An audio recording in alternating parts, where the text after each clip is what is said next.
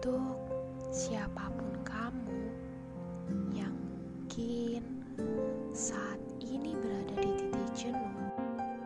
Aku rasa setiap orang pasti pernah mengalaminya. Tidak terkecuali aku. Iya, aku. Terkadang dalam satu waktu aku dihadapkan dengan berbagai macam cobaan. Sedangkan kapasitasku memiliki keterbatasan Rasanya aku ingin berhenti. Iya, berhenti. Gimana gimana?